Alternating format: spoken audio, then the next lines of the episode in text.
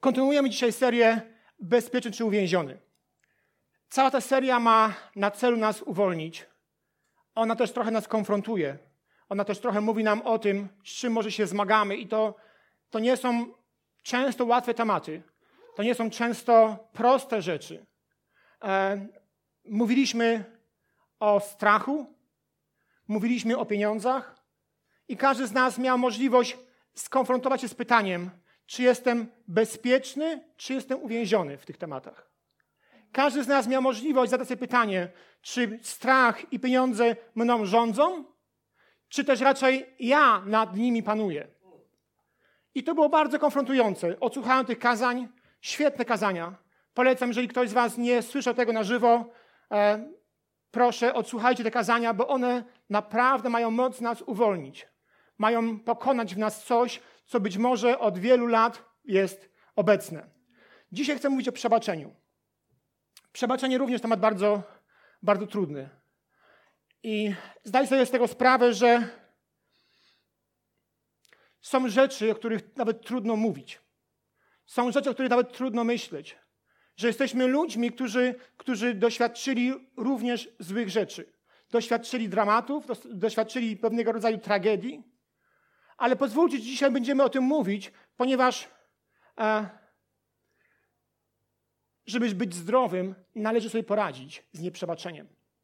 I zanim będę mówił o tym, czym jest przebaczenie a, i co Biblia mówi o przebaczeniu, chciałbym, abyśmy przeczytali kilkanaście wersetów o pewnym człowieku, który miał bardzo traumatyczne przeżycia.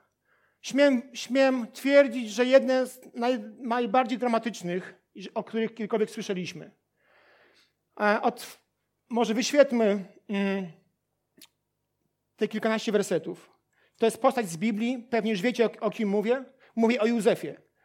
Biblia mówi nam w ten sposób. Gdy Józef miał 17 lat i był jeszcze chłopcem, pasał owce ze swoimi braćmi, synami Bilchy i synami Zilpy, żon swojego ojca. Józef donosił ojcu o różnych postępkach swoich braci. Izrael zaś kochał Józefa bardziej niż pozostałych synów, ponieważ urodził mu się na starość. Sprawił mu też długi, pięknie zdobiony płaszcz. Bracia byli świadomi, że ich ojciec kocha go bardziej niż ich i nienawidzili go za to. Nie byli nawet w stanie przyjaźnie z nim porozmawiać. Pewnego razu Józefowi przyśnił się sen. Gdy opowiedział go braciom, znienawidzili go tym bardziej. Posłuchajcie proszę, powiedział, co za sen mi się przyśnił. Otóż wiązaliśmy snopy na polu. Nagle mój snop podniósł się, stanął prosto, a wasze snopy otoczyły go i pokłoniły się mojemu snopowi. Czy naprawdę chciałbyś królować nad nami? zapytali bracia. Czyżbyś tak bardzo chciał nami rządzić? Z powodu takich snów i innych podobnych wypowiedzi, tym bardziej go nienawidzili. Potem miał jeszcze jeden sen. Ten również wyjawił braciom. Posłuchajcie, znów miałem sen. Tym razem kłaniało mi się słońce, księżyc i jedenaście gwiazd. Gdy opowiedział o tym ojcu i braciom, ojciec upomniał go nawet, co też znowu ci się przyśniło? Czy ja, twoja matka i bracia mamy przyjść i pokłonić ci się do ziemi? Braci trawiła zazdrość. Ojciec jednak zachował sobie te sprawy w pamięci. Józef był jedenastym dzieckiem Jakuba. Ojciec darzył go szczególnymi względami, faworyzował. Pewnie wszyscy wiecie o tym, że faworyzowanie jednego z synów nie jest do końca właściwe. Więc to faworyzowanie najmłodszego syna budziło już wtedy ogromną zazdrość pozostałych braci. Sytuację pogarszało jeszcze to, że Józef, że Józef donosił na swoich braci. Był najmłodszy, więc prawdopodobnie zauważał w starszych braciach pewne czyny, pewne słowa, które nie były ok. I Józef donosił o tym ojcu. Więc to był kolejny aspekt, który powodował, że relacja pomiędzy braćmi nie była doskonała. Józef miewał sny, sny od Boga. Niektórzy bibliści uważają, że Józef niepotrzebnie powiedział o tych snach. Ja nie mam wyrobionej opinii, czy za wcześnie, czy nie za wcześnie. Fakt faktem powiedział. I to przelało czarę goryczy. To sprawiło, że bracia w ogóle przestali mieć jakąkolwiek relację z swoim najmłodszym bratem. Wściekłość i zazdrość w nich dominowała. Wściekłość i zazdrość to bardzo niebezpieczny związek. Gdy jest wściekłość i zazdrość, zazwyczaj jest dramat. Tak też musiało nastąpić w tej historii. Czekali na jakiś dogodny moment, aby Józefa ukarać. Byli na niego tak wściekli, że chcieli go zabić. Bracia chcieli swojego najmłodszego brata zabić. Ale wskutek interwencji Rubena nie zabili go, tylko wrzucili do studni. I pewnie Józef w tej studni by niechybnie umarł, ale kolejny z braci, tym razem Juda, pomyślał sobie, po co mamy go zabijać w tej studni? Sprzedajmy go i na nim zaróbmy. A więc za 20 srebrników sprzedali swego brata, brata Ismaelitom. Ismaelici, dla Ismaelitów był niewolnikiem. Założyli mu sznury na ręce, na nogi i prawdopodobnie przez wiele dni ciągnęli go za wielbłądem. Szedł w chłodzie, często w upale, w głodzie i pragnieniu. Szedł za wielbłądem do innego kraju po to, aby być niewolnikiem. Myślę, co wtedy musiało się dziać w sercu Józefa. Miał 17-18 lat. Co myślał o swojej rodzinie? Co myślał o swoich braciach? Myślę, że na bardzo, na bardzo ich kochał. Jakie myśli w nim dominowały? Być może pytanie, czemu oni tak zrobili? Dlaczego tak ze mną postąpili? Co ja im takiego zrobiłem, że tak mnie potraktowali? Być może było lepiej dla mnie, abym umarł w tej studni, bo teraz muszę iść do obcego kraju i być niewolnikiem. Jakie emocje w nim górowały? Czytając w dalszym ciągu tą historię, dowiadujemy się, że Józef trafia na targ niewolników i tam zostaje sprzedany Potyfarowi. Ktoś, kto miał Boże sny. Ktoś, kto znał Bożą perspektywę. Ktoś, kto znał swoje powołanie, trafia na targ niewolników. Sprzedany przez swoich braci. Co mógł sobie myśleć znowu Józef o braciach w domu Potyfara? Mając swoje powołanie, wiedząc o tym, co Bóg dla niego zamierza. Jak się czuł niewolnik Józef? Skracając tą całą historię, później czytając Biblię, dowiadujemy się o tym, że Józef został oskarżony o molestowanie seksualne żony Potyfara.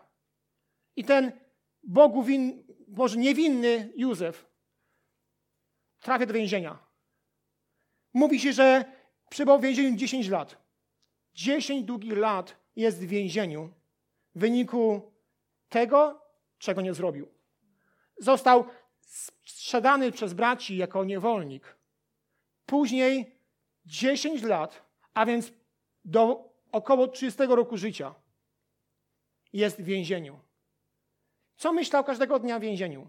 Może myślał o ojcu i matce, bardzo ich kochał.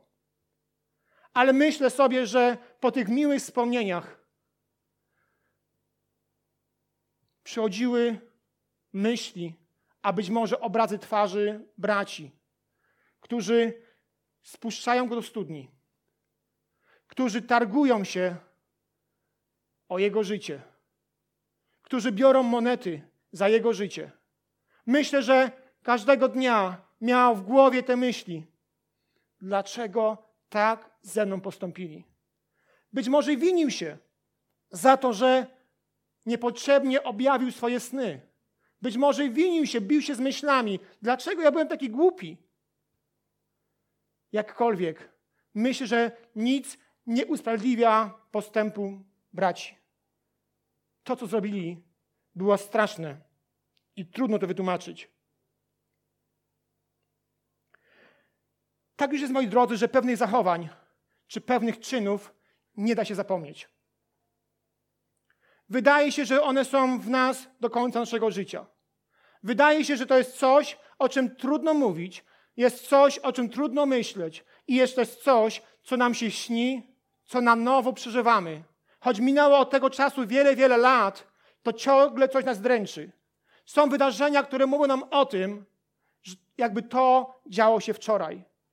Ciągłe, ciągłe wspomnienia, ciągłe wspomnienia tych złych rzeczy. I tak na przykład mąż zdradzający żonę nie tylko zapisuje ten fakt w życiu swoim i swojej żony, ale także dzieci. Ktoś, kto tuła się po domach dziecka, nie tylko zapisuje te dane swoim, na, na swoim dysku, ale również w jaki sposób winni swoich rodziców za to, że tak z nim postąpili. A więc jest wiele powodów do tego, aby naprawdę mieć jakieś zdarzenia, które, które byśmy długo chcieli pamiętać. W podobnej sytuacji jest Józef. I myślę sobie, że w jego głowie ciągle była walka. Walka o to, aby zapomnieć. Walka o to, aby przebaczyć. A myślę, że miał co?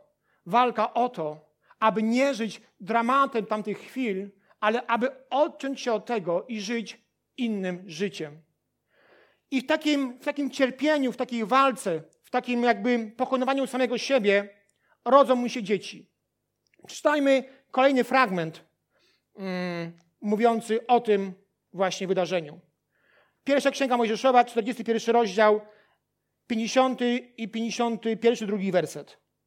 A zanim nastał pierwszy rok głodu, Asenat, córka Poti, Fery, kapłana z On, urodziła Józefowi dwóch synów.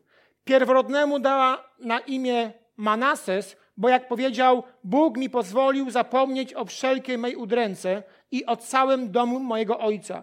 Drugiemu zaś dał na imię Efraim, bo jak powiedział, Bóg sprawił, że wydałem owoce w kraju mej niedoli. A więc Józefowi rodzi się dwóch synów. Pierwszego syna nazywa Manases. Pewnie wiecie o tym, że e, w tamtych czasach, może nie tylko w tamtych, ale ludzie wschodu bardzo dużą wagę przywiązują do imion. I nadając imiona swoim dzieciom, oni upatrywali w tym różnych ważnych aspektów. I tak też imię Manases jest bardzo ważne, ponieważ wiąże się z czymś, co, co objawiało charakter, okoliczności narodzeń, cel, życie, służbę lub zadanie. Na przykład Mojżesz. Mojżesz to dosłownie znaczy wyjęty z wody. I jeżeli wiemy, w jaki sposób uratowano mu życie, to wiemy, że to imię ma głęboki sens. Czasami też tak bywało, że Bóg w wyniku pewnych okoliczności, czy misji, czy powołania zmieniał imiona ludzi. Pewnie pamiętacie, że najpierw był Abram, a później był Abraham. Czy pamiętacie jeszcze jakieś inne imiona, które zostały zmienione? Jakub Izrael, Szymon, a później Piotr. I myślę sobie, że każde znaczenie, każde imię coś znaczyło. W tych czasach czasami jest też tak, że ludzie biorą to pod uwagę, jakie nadać imię swojemu dziecku, przypisują temu jakąś większą wagę. Nie wiem, czy to jest ważne, czy nieważne. Wiem jedno, że moje imię nie ma żadnych duchowych przesłanek. I prawdopodobnie, jakbym żył w tamtych czasach, na pewno Bóg mi to imię zmienił. Może byłoby to imię jako wytrwały, wdzięczny, już nie chcę się rozmarzać. W każdym razie na pewno Bóg to imię by zmienił na jakieś bardziej, wiecie, duchowe. Niestety inne czasy. E, a więc każde imię miało etymologicznie jakieś znaczenie.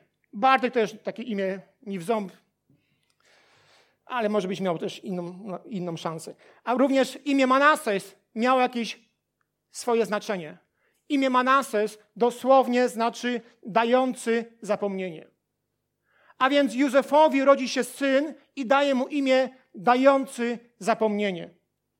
Po wielu doświadczeniach, po wielu cierpieniach, po wielu, myślę, nieprzespanych nocach, po, wiele, po wielu tragicznych wspomnieniach rodzi się syn Józefowi i daje mu imię dający zapomnienie. Czytamy o tym, że to, to imię ma wielkie dla niego znaczenie, ponieważ czytamy o tym, że Bóg pozwolił mu zapomnieć o wszelkiej udręce i o całym domu ojca jego.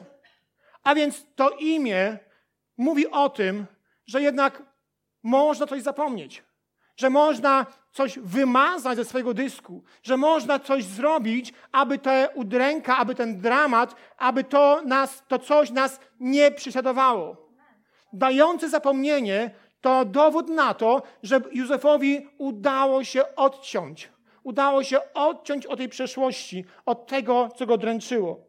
A więc w tym imieniu Manases znajduje się świadectwo Józefa, mówiące o tym, że Bóg dał mu zapomnieć o całym utrapieniu, o cierpieniu, chłodzie, głodzie, o byciu niewolnikiem i o byciu w więzieniu. Bóg dał mu zapomnieć. I czytając kilkanaście razy ten werset, mam takie przeświadczenie, że to nie przyszło od tak, że to nie przyszło tak z powietrza, ale że to była tutaj głęboka walka. Głęboka walka o to, aby mieć czyste myśli. Głęboka walka o to, aby odciąć się od przeszłości. Myślę, że można powiedzieć, że to był jakiś duchowy bój. Że to było coś, co było przesiąknięte modlitwą, było przesiąknięte walką, taką wewnętrzną niezgodą na to, co umysł nam poddaje. A więc to była ogromna walka. I w wyniku tej walki Józef nadaje swojemu synu, synowi imię dający zapomnienie, czy inaczej zwyciężyłem. Zwyciężyłem, pokonałem. Przypuszczam, a nawet ośmielam się stwierdzić, że on się o to modlił, toczył wewnętrzną walkę po to, aby być wolny od tych myśli. I więc to imię oznacza Dał mi Bóg zapomnieć o wszystkich moich krzywdach, o całym moim utrapieniu, o studni, o długiej drodze niewolnika, o krzywdach, które mnie spotkały w domu Potyfara. Dał mi zapomnieć o nieszczęsnym więzieniu. Dał mi zapomnieć o ludziach, którzy źle o mnie mówili. Dał mi zapomnieć o ludziach, którzy mnie skrzywdzili. Dał mi zapomnieć o ludziach, którzy, którzy nie wiem czemu byli przeciwko mnie. Bóg dał mi przebaczyć i zapomnieć, bo nie możesz zapomnieć nie przebaczając. Nie możesz zapomnieć o, czym, o czymś nie przebaczając. Więc to musi być proces przebaczenie, a później zapomnienie. W odwrotnym kierunku to iść nie mogło. Myślę, że ta, ta walka Józefa dużo kosztowała. To było coś, co było dla niego strasznie trudne, ale zwyciężył. Bo Dlaczego trudno? Dlatego, że też bolesna przeszłość chce do nas wracać. Jeżeli nie stoczymy z tym walki, to będzie do nas wracała. Te myśli, te czarne myśli chcą w nas na nowo zakotwiczyć. A więc nadaje mu, a na, a więc nadaje mu na imię Manas, Manasys. I wyobrażam sobie, jak wołał swego syna, który był na podwórku. To nowa fala wdzięczności wstępowała w Józefa, bo wołał Józefie, Bóg okazał ci łaskę, wybaczyłeś i zapomniałeś. Manase zdający zapomnienie, wybaczyłem i zapomniałem. Pierwszy syn Manases, drugi syn to Efraim. To imię również ma wielkie znaczenie, ponieważ Efraim dosłownie oznaczy, oznacza owocowanie. Józef drugiemu synowi nadaje imię, ponieważ rozmnożył mnie Bóg w ziemi niedoli mojej. Biblia Tysiąclecia mówi nam, że uczynił mnie Bóg płodnym w domu niedoli mojej. A jeszcze inne tłumaczenie mówi, poszerzył Bóg moje możliwości w domu niedoli mojej. Zwróćcie uwagę na kolejność tych imion. Najpierw dające zapomnienie, a później owocowanie. Dlaczego nie odwrotnie? Dlatego, że trudno jest owocować, nie przebaczając. Jeżeli chcesz owocować nie przebaczając, to musisz się z tym e, zmierzyć, że Boże błogosławieństwo będzie kapało jak woda z niedokręconego kranu. Ale jeżeli przebaczysz, to zdziwi ci rachunek za wodę. Bo Boże błogosławieństwo będzie jak fala. Ona będzie ciągła i ciągłe przez ciebie przepływała. To jest bardzo ważne. Kolejność najpierw przebaczenie, a później owocowanie. Czasami jest tak, że chcielibyśmy zrobić coś wielkiego, ale prawda jest taka, jeżeli nie przebaczysz, jeżeli nie poradzisz sobie z tym, co cię uwiera, to nie będziesz mógł błogosławić. Bo nieprzebaczenie, ono wpływa na całe twoje życie. Czy czasami tak nie jest? Jeżeli ktoś nas skrzywdzi, jeżeli jakaś osoba nas skrzywdzi, jeżeli jakaś osoba nas okłamie, jeżeli jakaś osoba nas zrani, to czy później to miary nie przekładamy na inne, inne osoby? Czy czasem wtedy już nie patrzymy na tych ludzi, z innych ludzi z, z jakimś mniejszym zaufaniem? Jeżeli ktoś nas okłamie i na tym złapiemy, to później na kolejne osoby myślimy sobie, on może też kłamie. On może też mnie chce zranić. O czym to świadczy? O tym, że nieprzebaczenie rozlewa się bardzo szeroko. Ono sprawia, że ty nie patrzysz tylko na tę osobę, ale patrzysz na wiele niewinnych ludzi poprzez pryzmat swego doświadczenia. I to jest właśnie najbardziej negatywna strona nieprzebaczenia. Ono nie tylko dotyczy jednej osoby, ale ono rozlewa się na niewinnych ludzi. Masz do nich dystans. Nie wierzysz im. Nie masz do nich zaufania, ponieważ to, co się wydarzyło, wpływa na Twoje całe życie. W Biblii słowo przebaczenie ma dwa podstawowe znaczenia. Pierwsze odnosi się do spraw finansowych, do anulowania zobowiązań płatniczych dłużnika wobec wierzyciela. Drugie dotyczy uzdrowienia relacji między dwiema osobami, zniszczonymi na, yy, relacja, która jest zniszczona na skutek jakiegoś złego czynu. W Mateuszowej wersji modlitwy pańskiej prosimy Boga, aby przebaczył nam nasze winy, czyli długi, a w wersji Łukaszowej, aby przebaczył nam nasze grzechy. A zatem według Biblii grzesznik jest dłużnikiem. Grzesznik jest dłużnikiem, któremu Bóg mocą swego miłosierdzia wybacza. To Bóg anuluje nasze długi. Bo jeżeli jesteśmy grzesznikami, to mamy pewną winę, mamy pewne długi wobec Boga. Jest to darowanie darmowe, bo ma swoje źródło w niepojętej Bożej miłości. W łasce, której tak do końca nawet nie rozumiemy. Przebaczenie to darowanie komuś winy. W języku greckim przebaczenie to słowo apchesis i dosłownie oznacza uwalniać, odrzucić, wypuścić, uniewinnić, pozwolić odejść. W języku hebrajskim jest to słowo wyrażone obrazowo poprzez otulić płaszczem. Bardzo fajna ilustracja. Przebaczenie to otulić płaszczem, czyli to sugeruje bliskość i zabezpieczenie. A zatem, kiedy przebaczamy, dokonuje się w nas, głównie w nas, metamorfoza. Zmiana w sercu i w umyśle. To sprawia, że jesteśmy od czegoś uwalniani. A więc przebaczyć to znaczy przeprosić, uwolnić drugiego człowieka od winy i gdy to przebaczenie ma miejsce, to obwinianie, oskarżanie, chęć zemsty jest anulowane. Gdy żyjesz w nieprzebaczeniu, to jeżeli miałbyś tą moc, to najchętniej byś komuś odpłacił. I to wiele razy mocniej za swoje doznane krzywdy. Jeżeli żyjesz w nieprzebaczeniu, to trudno ci jest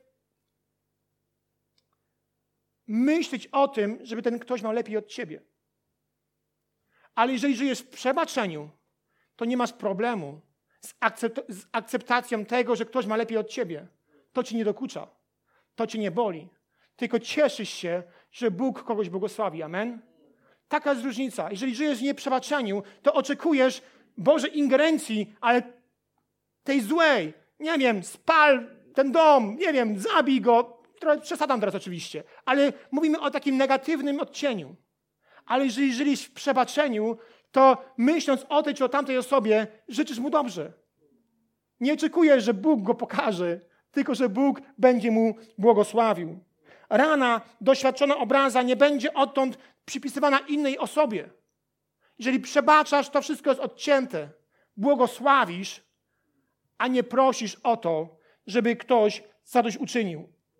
W słowie przebaczyć można również dostrzec podobieństwo do wyrażeń nie przejmować się, nie zatrzymywać się, nie tkwić w przeszłości. Przebaczenie pomaga nabrać dystansu do swojej przeszłości. Ono powoduje, że patrzysz na tą historię trochę inaczej niż dotychczas. Wpuszczasz tam Bożą łaskę i wszystko jest jaśniejsze. tam pojawia się kolor, tam pojawia się jakaś nadzieja, tam pojawia się nie chęć zemsty, ale chęć do błogosławieństwa. To bardzo ważne jest to, abyśmy byli uwolnieni od tej przeszłości, uwolnieni od tego, od tej chęci zemsty, od tej chęci e, odpłacenia się czymś jeszcze bardziej negatywnym. Gdy przebaczasz, znikają oczekiwania i pragnienia w odniesieniu do innych.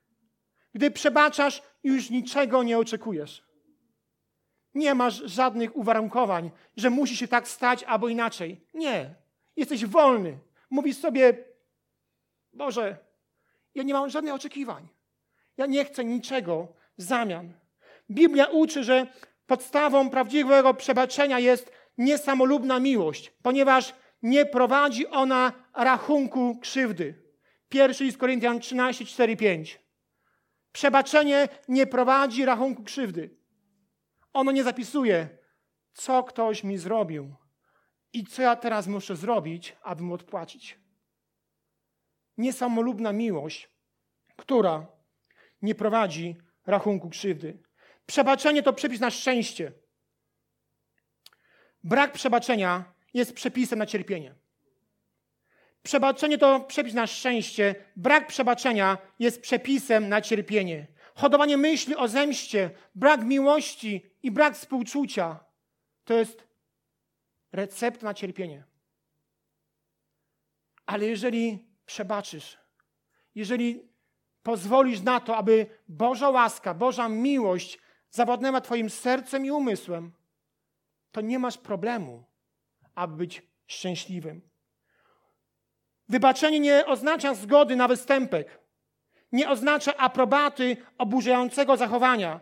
Przebaczenie oznacza zerwanie z bolesną przeszłością. Powiem to jeszcze raz. Przebaczenie oznacza zerwanie z bolesną przeszłością. Przebaczenie oznacza koniec rozdrapywania ran, które ciągle krwawią. Przebaczenie oznacza życie i miłość w teraźniejszości. Pozbycie się cienia przeszłości. Przebaczenie oznacza wolność od gniewu i agresywnych myśli. Przebaczenie oznacza, się, oznacza pozbycie się złudzeń na zmianę przeszłości. Na zmianę przeszłości. Nie oczekuj, że Twoje nieprzebaczenie zmieni Twoją przeszłość. To już było. To już się nie odstanie ale możesz poprzez to zrobić zmienić swoją przyszłość. Możesz przebaczyć i żyć w wolności od tej przeszłości. O to właśnie chodzi w, w przebaczeniu. Przebaczenie oznacza nieodmawianie swojej miłości nikomu. Uzdrowienie rany w sercu zadanej przez zapiekłe myśli oznacza wpuszczenie Boga do swojego serca. Czy chrześcijanin może żyć w nieprzebaczeniu?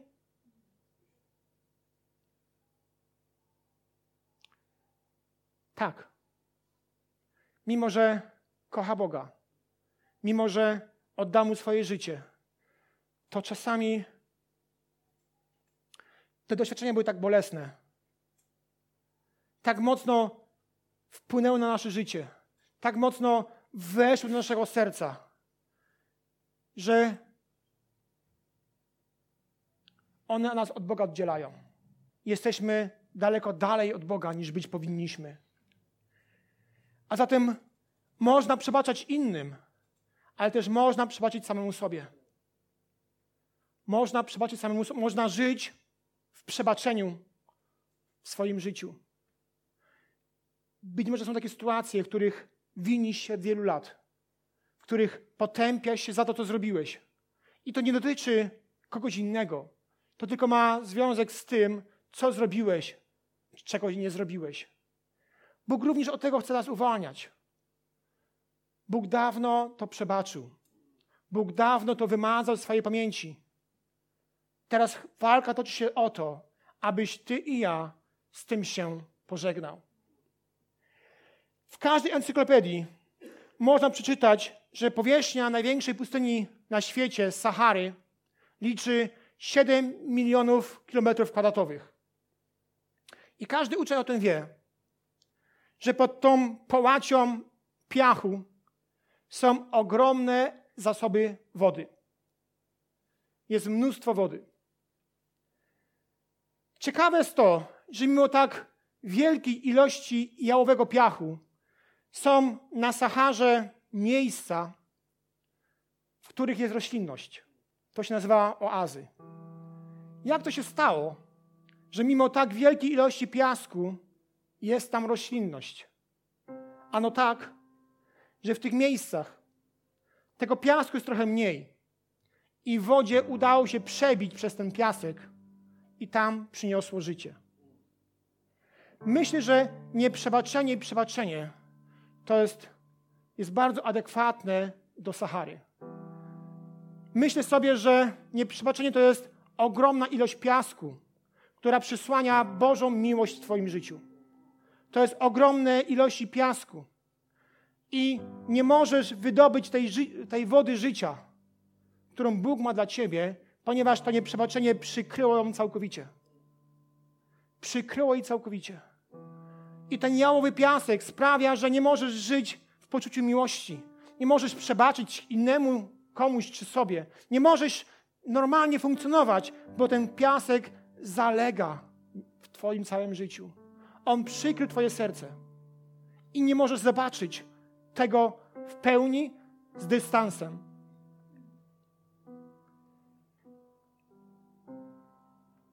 Wystarczy przebić się przez piaski urazy. Wystarczy przebić się przez piaski nieprzebaczenia, po to, aby dosięgnąć wody, która przynosi życie. Więc czego potrzebujemy? Potrzebujemy stanowisk wiertniczych. Potrzebujemy wierteł, które przebije się przez ten piasek, które sprawi, że ta woda wydobędzie się spod tego piasku. Myślę, że tym wiertłem jest przebaczenie. I ja wiem, że są pewne wydarzenia, które naniosły do naszego życia mnóstwo piasku.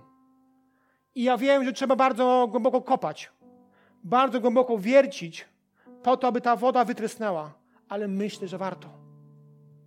Myślę, że warto. Być może dzisiaj wygląda Twoje życie tak, jak Sahara, gdzie jest tylko jałowy piasek, czarne myśli, złe myślenie o wszystkich ludziach, złe myślenie o Bogu, bo często Boga winimy za to, co się dzieje się w naszym życiu. Złe myślenie, brak zaufania do wszystkich ludzi. Być może to jest ta Sahara, która przykryła Twoje serce, ale pomyśl o tym, że Bóg daje Ci wiertło. Bóg daje Ci narzędzia, aby tą wodę, która jest pod tym piaskiem w Twoim życiu, wydobyć. Bóg chce, aby tam było życie. Bóg chce, aby powstała piękna oaza, która będzie charakteryzowała się śliczną roślinnością. I to oazy wydają owoce, nie pustynia. Pustynie rodzą piasek. Pustynie rodzą żal, ro, rodzą kolejne nieprzebaczenia. Ale gdy przebaczysz, to będziesz wydawał owoce. Bo Bóg chce dać Ci zapomnienie, a później owocowanie. Bóg chce dać Ci wszystko to, abyś nie żył pod, pod wielką warstwą piasku, w którym nie ma życia. Bóg chce dać Ci wiertło, którym jest przebaczenie, po to, aby, abyś wydobył to, co jest najpiękniejsze w Twoim życiu. Bóg kocha Cię zawsze. I On nie ma problemu z przebaczeniem. Dlaczego? Bo On jest miłością. A dlaczego my nie przebaczamy? Dlatego, że przestaliśmy kochać. Jeżeli kogoś kochasz, naprawdę kochasz, to nie masz problemu mu przebaczyć, prawda? Nie masz problemu mu przebaczyć. Może trochę czasu to zajmuje, ale przebaczasz, bo wiesz, że miłość jest silniejsza. A więc, gdy nie przebaczamy, to znaczy, że przestaliśmy kogoś kochać. I być może dzisiaj czujesz się jak Józef w studni. Widzisz tylko skrawek nieba. Być może czujesz się jak Józef w więzieniu. Widzisz tylko żal, kraty, krzywdy, urazy. Widzisz tylko to, co było kiedyś w przeszłości Twojego życia. Widzisz tylko wielkie urazy i nie możesz z tym poradzić. Być może czujesz się dzisiaj jak Józef i czujesz się, że ktoś Cię prowadzi na sznurze za jakimś wielkim rozczarowaniem. I Ty nie chcesz, ale nie potrafisz z tego wyjść. Nie potrafisz się z tego uwolnić. I idziesz przez swoje życie bez zaufania, bez radości, ciągle tylko widzisz kogoś, kto cię może zranić, ciągle tylko widzisz kogoś, kto cię może urazić. Nie masz zaufania do ludzi, nie masz miłości do ludzi. Idziesz za tym wielbłądem, jak ślepy niewolnik. Być może tak dzisiaj czujesz. Być może widzisz tylko ciemność z tego powodu, że doznałeś tyle krzywd, doznałeś tyle bólu, że żal targa Twą duszę. Być może trudno Ci jest zobaczyć coś więcej, bo tylko widzisz swój gniew i swoje cierpienie. Bóg chce dzisiaj dać Ci zapomnienie. Bóg chce dzisiaj, aby wraz z tą wolnością też narodził się, narodził się Efraim, abyś zaczął owocować w swoim życiu, abyś dawał dobre owoce, owoce radości, owoce szczęścia, owoce tego, co Bóg ma dla Ciebie. Proszę skłoncie swoje głowy. Boże, tak długo przebaczamy, jak kochamy. I tak długo przepraszamy, jak długo kochamy. Chcę dzisiaj Pani Cię przeprosić za to, że bywają chwile, gdy mam problem z przebaczeniem. I chcę Ci za to podziękować, że Ty mi zawsze przebaczasz. Przebacz nam, Panie, wszystko to, co zrobiliśmy złego w swoim życiu. Przebacz myśli, które nie kontrolowaliśmy. Przebacz skąpstwo, chciwość, obojętność. Przebacz brak miłości. Przebacz spojrzenia, które, nad którym nie panowaliśmy. Bezmyślne słowa i te ostre, surowe, nerwowe. Boże, przebacz wszystko to, czym Cię raniliśmy. Prosimy Cię o przebaczenie. Przebacz nam, przebacz nas, nam też lęk, obawy o swoje życie, obawy o to, jakbyś Ty nie miał nad nami panowania. Przebacz złość, przebacz każdy grzech, który oddziela nas od Ciebie. Uwolnij nas, Panie, od nieprzebaczenia. Chcemy, Pani, dzisiaj podjąć decyzję, że chcemy uwolnić Cię od przeszłości. Uwolnić Cię od zranień, uwolnić Cię od cierpień, które miały miejsce w naszym życiu. Uwolnić Cię od tego, co jest naszym bagażem. Chcemy uwolnić Cię od tego, Jezu, co nas bardzo ogranicza. Też, Panie, wlej dzisiaj przebaczenie do naszego życia z powodu tego, co my sami zrobiliśmy. Nie tylko chcemy przebaczyć innym, ale też chcemy przebaczyć sobie i chcemy prosić innych o przebaczenie. Jezu, pomóż nam dzisiaj rozprawić się z, z tym tematem. Boże, my chcemy być bezpieczni, a nie uwięzieni.